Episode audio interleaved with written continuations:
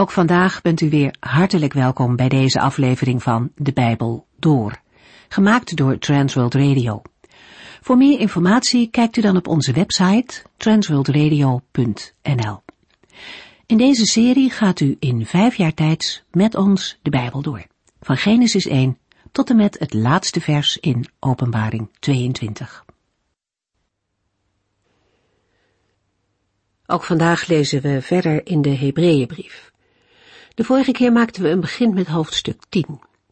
U krijgt nog een korte samenvatting en dan verwijs ik u voor de volledige studie graag door naar onze website transworldradio.nl. In Hebreeën 9 laat de schrijver zien dat, zoals het aardse heiligdom en alles wat daarin was, door bloed gereinigd werd, zo ook het hemelse.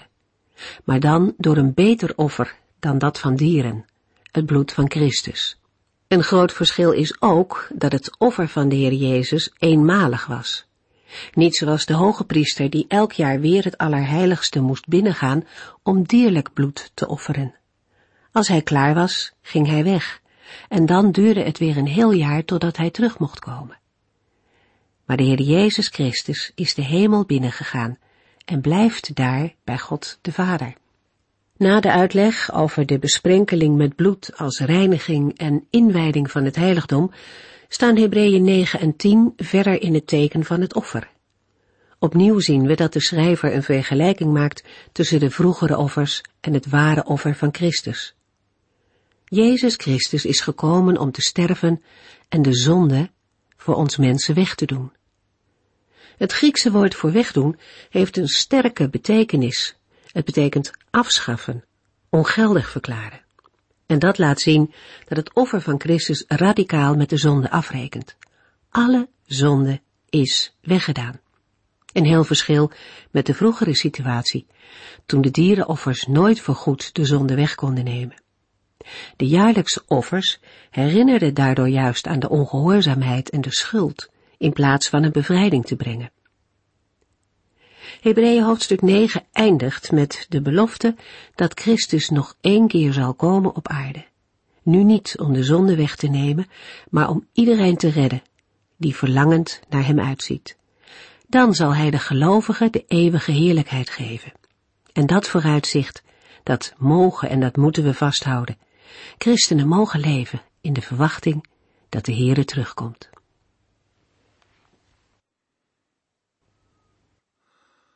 De vorige uitzending sloten we af met Hebreeën 10 vers 4. Want het bloed van stieren en bokken kan nooit voor goed met de zonden afrekenen. Met deze woorden sloot de schrijver van het Bijbelboek Hebreeën zijn onderwijs af over het onvermogen van de oud-testamentische offers op Grote Verzoendag. Het is onmogelijk dat het bloed van stieren en bokken de zonde wegneemt. In dit verband is het verhelderend om Romeinen 11, vers 25 tot en met 36 erbij te lezen. Paulus schrijft aan de gelovigen in Rome: Broeders en zusters, ik wil u het geheim van Gods plan met Israël vertellen, om te voorkomen dat u afgaat op uw eigen ideeën. Voorlopig moet een deel van de Israëlieten niets van Jezus Christus hebben. En dat duurt totdat de grote massa uit de andere volken in Gods koninkrijk is ingegaan. Dan zal heel Israël gered worden. Dat staat ook in de boeken. De grote bevrijder zal uit Sion komen om het kwaad van Israël weg te doen. Dit is mijn afspraak met hen. Ik zal hun zonden wegnemen. Zij staan dus vijandig tegenover het goede nieuws van Jezus Christus. Daar hebt u voordeel van. Maar omdat zij vanouds het volk zijn dat God uitgekozen heeft, houdt hij nog steeds van hen. Want als hij iets zegt, komt hij er niet op terug. En als hij in genade iets heeft gegeven, blijft het gegeven. Vroeger verzette u zich tegen God. Maar omdat de Israëlieten zich tegen hem hebben verzet, heeft hij u nu genade gegeven. Nu zijn zij het dus die zich tegen God verzetten, terwijl u genade hebt gekregen. Maar de bedoeling daarvan is dat zij ook genade zullen krijgen, want God heeft alle mensen aan de ongehoorzaamheid overgegeven, om hun allemaal genadig te kunnen zijn. Gods liefde gaat uit naar heel de wereld. De Heer heeft alle mensen, ook zijn eigen volk Israël, aan de ongehoorzaamheid overgegeven om hun allemaal genadig te kunnen zijn. In één zin wordt de door Paulus bekendgemaakte verborgenheid samengevat. God heeft allen, Joden en niet-Joden, aan de ongehoorzaamheid overgegeven. Geen enkel mens kan door eigen verdiensten recht laten gelden op Gods genade. Alle mensen zijn op dezelfde manier overgegeven aan de ongehoorzaamheid en hebben allemaal op dezelfde manier Gods genade nodig.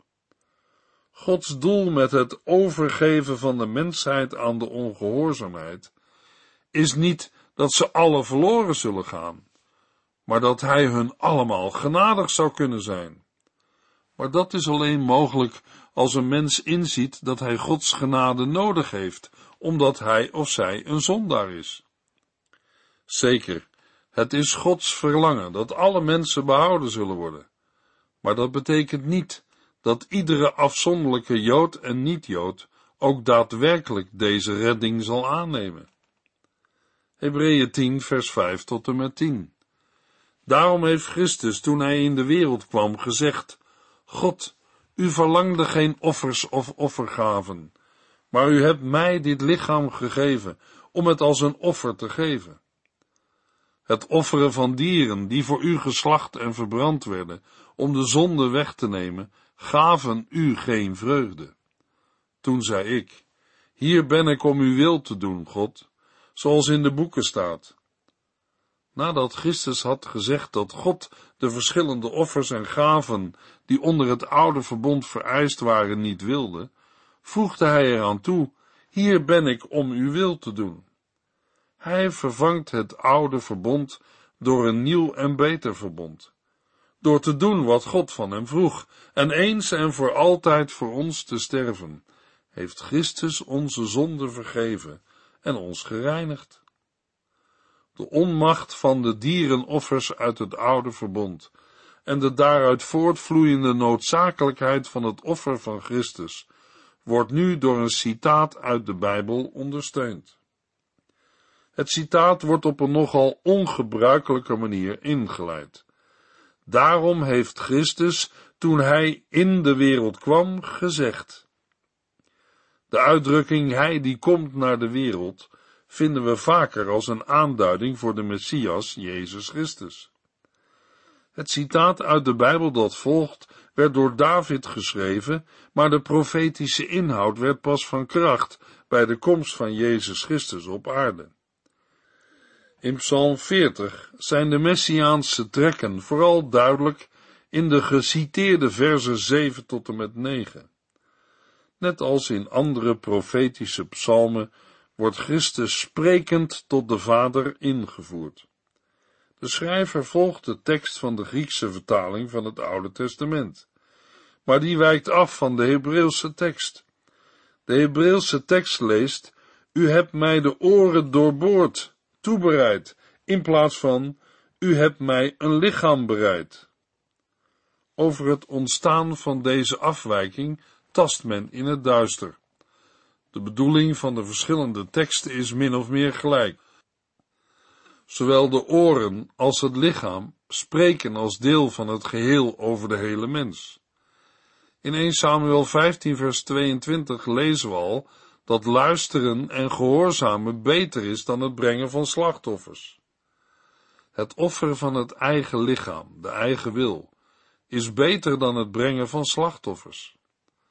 In vers 6 en 7 wordt het citaat uit Psalm 40 gewoon voortgezet. De zinsnede, zoals in de boeken staat, of in de boekrol is aangaande mij geschreven, betekent in Psalm 40 dat in de boekrol van de wet van Mozes de rechten en plichten van de koning beschreven worden. In de mond van de Heer Jezus verwijst de boekrol naar het hele Oude Testament, dat profetisch over de Messias schrijft. Maar de zinsnede kan ook betekenen dat de loop van het leven van de koning in Gods boek was opgeschreven. De Heere kende David al voordat hij was geboren. In de versen 5 en 6 werd duidelijk wat de Heere niet wil en wat hem geen vreugde gaf, namelijk de offers en offergaven. Maar Christus is gekomen om te doen wat wel Gods wil is. Hij zou zijn lichaam, dat God hem had gegeven, als offer brengen ter verzoening van de zonden van de mensen. Gods wil blijkt voortdurend gericht te zijn op de redding van de mens. Zoals Jeremia 31 het nieuwe verbond beschrijft, zo behandelt Psalm 40 het nieuwe offer. In de versen 8 tot en met 10 vinden we de uitwerking van het citaat uit Psalm 40. De in vers 5 en 6 genoemde offers hebben de Heere geen vreugde gegeven, hoewel ze volgens de wet werden gebracht en door de Heere zelf waren voorgeschreven. De oud-testamentische offers waren op zichzelf krachteloos en konden alleen dienen als een heenwijzing naar het offer van Christus. Daarom is deze oud-testamentische offerdienst verouderd, sinds het offer van het lichaam van Christus is gebracht, en ongeldig verklaard, en dan ook niet meer naar Gods wil. In vers 9b volgt een korte tussenzin waarmee de schrijver uitlegt wat de voorgaande profetische woorden inhouden. Christus stelt de oud-testamentische offerdienst, volgens de wet, buiten werking, om tegelijkertijd het tweede, zijn komst om Gods wil te doen, geldig te maken. Het doen van Gods wil betekent voor Christus zichzelf offeren voor de zonden. De woorden door te doen wat God van hem vroeg houdt in dat de Heer Jezus Christus uitvoert wat God de Vader hem had gevraagd, namelijk dat mensen behouden worden. Daartoe moest Jezus Christus het offer van zijn lichaam brengen, zichzelf offeren in plaats van zondige mensen die zichzelf niet kunnen redden. Dat God de Vader dit aan Christus vroeg, betekent dat de redding van de gelovigen in zijn wil, zijn heilsplan besloten ligt. Met het verzoeningsoffer van zichzelf heeft Christus onze zonde vergeven en ons gereinigd. De werkwoordsvormen geven aan dat het om vergeving en reiniging gaat die in het verleden heeft plaatsgevonden en van kracht blijft tot in het heden. Dit wordt nog eens versterkt door de woorden eens en voor altijd. Met gereinigd of geheiligd worden wordt in vers 10 het ontvangen van een heilige status bedoeld en niet het hebben van een heilige levenswandel. Dit gereinigd of geheiligd worden is nauw verbonden met het volmaakt worden. Het verzoend worden met God en deel krijgen aan zijn heerlijkheid en het gereinigd worden van zonden. Dit gereinigd of geheiligd worden opent de toegang tot een heilig God. Natuurlijk houdt het geheiligd worden wel de verplichting in om ook heilig te leven. Hebreeën 10 vers 11 De gewone priesters waren dag in dag uit in de tempel bezig en brachten telkens dezelfde soort offers die de zonde niet konden wegnemen. Het eens en voor altijd gereinigd of geheiligd zijn van de gelovigen in het vorige vers geeft nogmaals aanleiding om een vergelijking te trekken tussen de Levitische priesters en Christus. De gewone priesters waren dagelijks in de tempel bezig hun dienst te verrichten, waarbij zij vaak dezelfde offers brachten. Maar Christus hoefde niet meer dan één offer te brengen. De offers van de priesters waren bovendien niet in staat de zonde weg te nemen. Ze waren niet toereikend en konden het geweten van de mensen niet zuiveren. Het eenmalige offer van Christus brengt een blijvende volmaaktheid. In de Griekse tekst van vers 11 lezen we over de priesters die staan om te dienen. De Heer Jezus zit aan de rechterhand van God de Vader om te heersen. De priesters moesten elke dag bezig blijven met het brengen van offers, terwijl Christus de hemelse rust en heerlijkheid geniet nadat zijn werk was volbracht. De dienst van de gewone priesters als ook van die van de aardse hoge priester op grote verzoendag, konden de zonde niet wegnemen. De oud-testamentische offers konden alleen de zonde bedekken. De offers herinnerden de mensen eraan dat zij overtreders en zondaars waren. Hebreeën 10 vers 12 Maar nadat Christus zichzelf voor onze zonde aan God had gegeven, als een offer voor alle tijden, ging hij aan Gods rechterhand zitten. Na de kernachtige beschrijving van de onmachtige bediening van de priesters volgt nu het tegenbeeld. Het telkens dezelfde offers brengen staat in contrast met het ene offer dat Christus voor de zonde heeft gebracht. Tegenover het dagelijks staan van de priesters heeft alleen Christus het recht voor altijd te zitten aan de rechterhand van God. Het zitten aan de rechterhand van God betekent voor Christus het deel hebben aan Gods heerlijkheid en het deelnemen in Gods heerschappij van de wereld. In Handelingen 7 ziet Stefanus Jezus Christus staan aan de rechterhand van God. Maar dit betreft een uitzonderlijke situatie, waarbij Christus pleit voor Stefanus, de eerste martelaar voor het geloof. Hebreeën 10 vers 13 Daar wacht hij totdat zijn vijanden aan hem onderworpen zijn. Ook vers 13 citeert woorden uit Psalm 110 vers 1 totdat ik uw vijanden aan u onderworpen heb. Christus zit al aan de rechterhand van God de Vader, maar de vijanden hebben zich klaarblijkelijk nog niet allen onderworpen. Dat zal pas gebeuren bij de wederkomst van de Heer Jezus. De tijd tussen de hemelvaart en wederkomst is dan ook een tijd van wachten en verwachten, zowel voor de Heer Jezus Christus als voor de gelovigen. God de Vader onderwerpt alle vijanden aan Christus.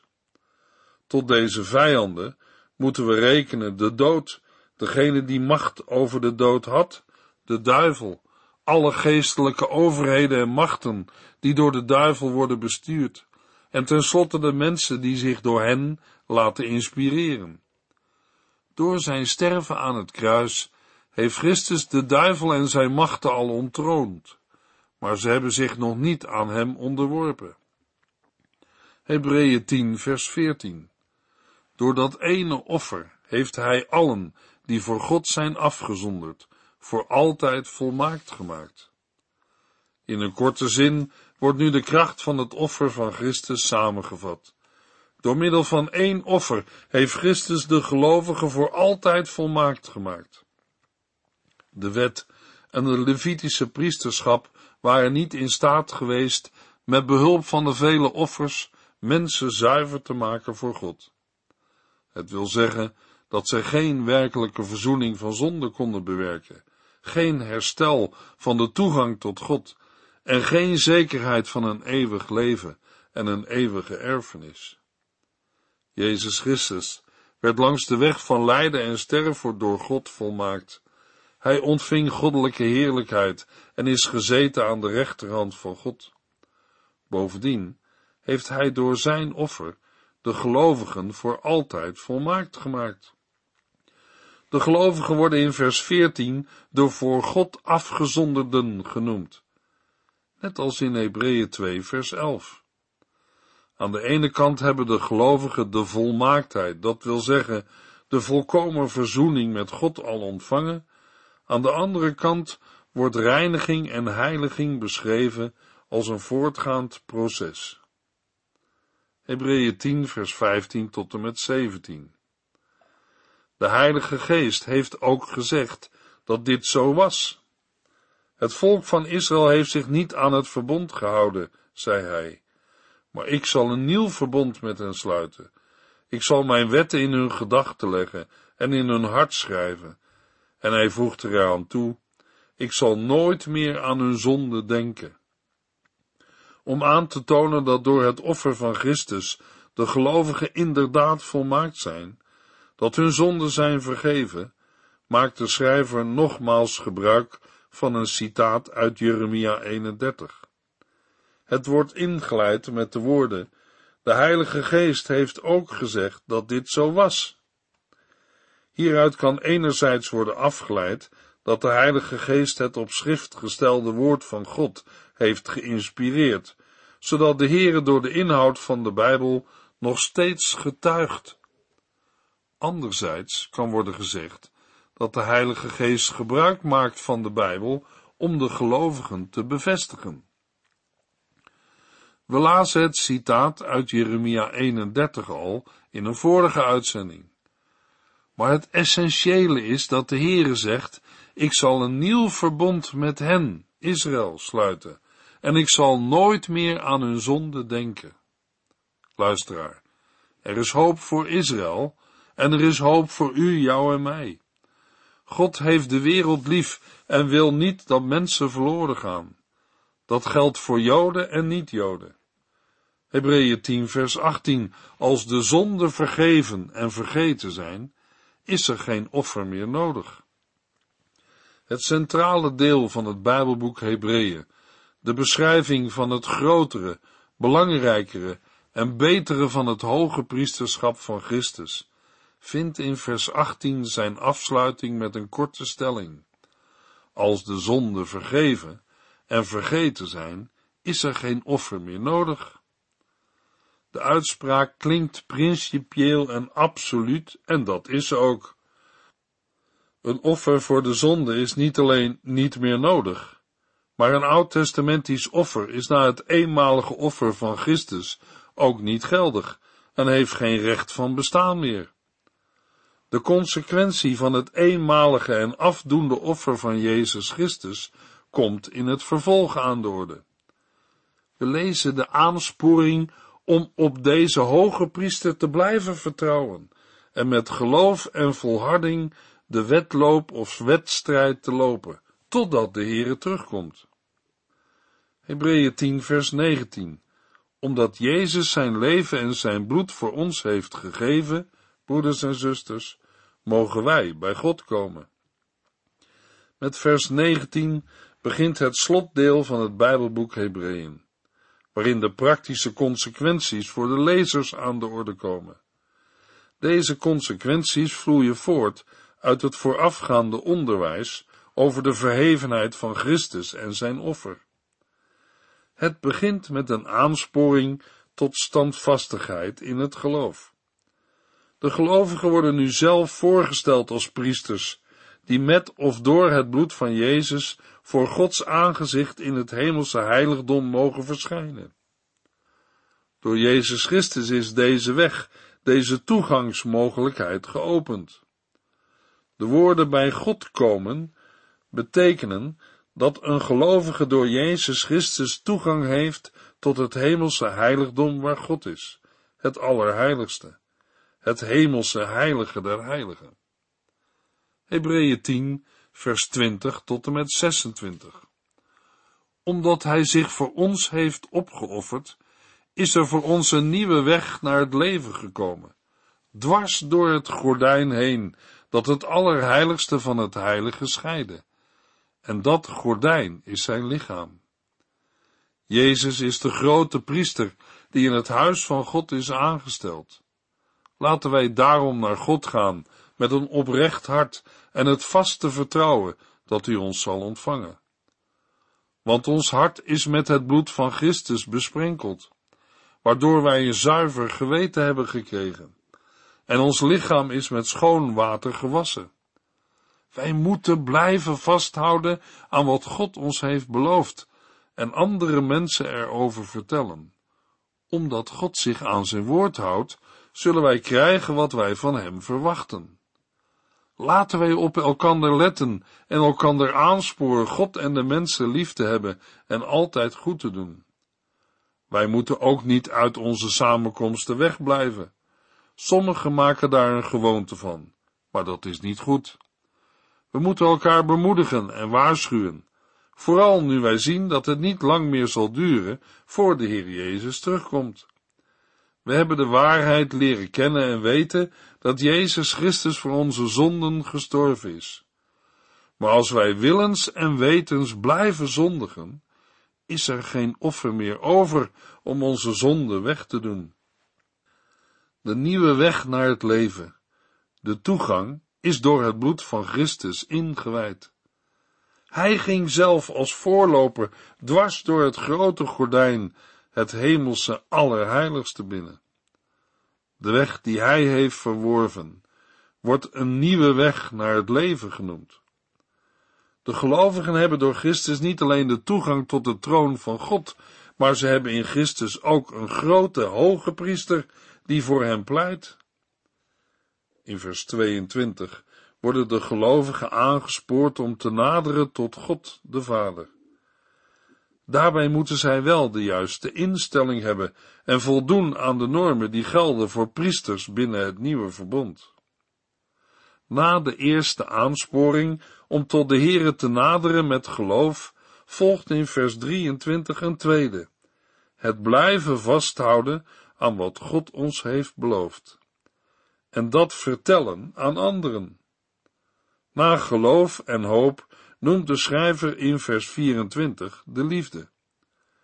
De gelovigen moeten op elkaar letten, niet om elkaar te bekritiseren, maar om elkaar aan te sporen God en de naaste lief te hebben en goed te doen.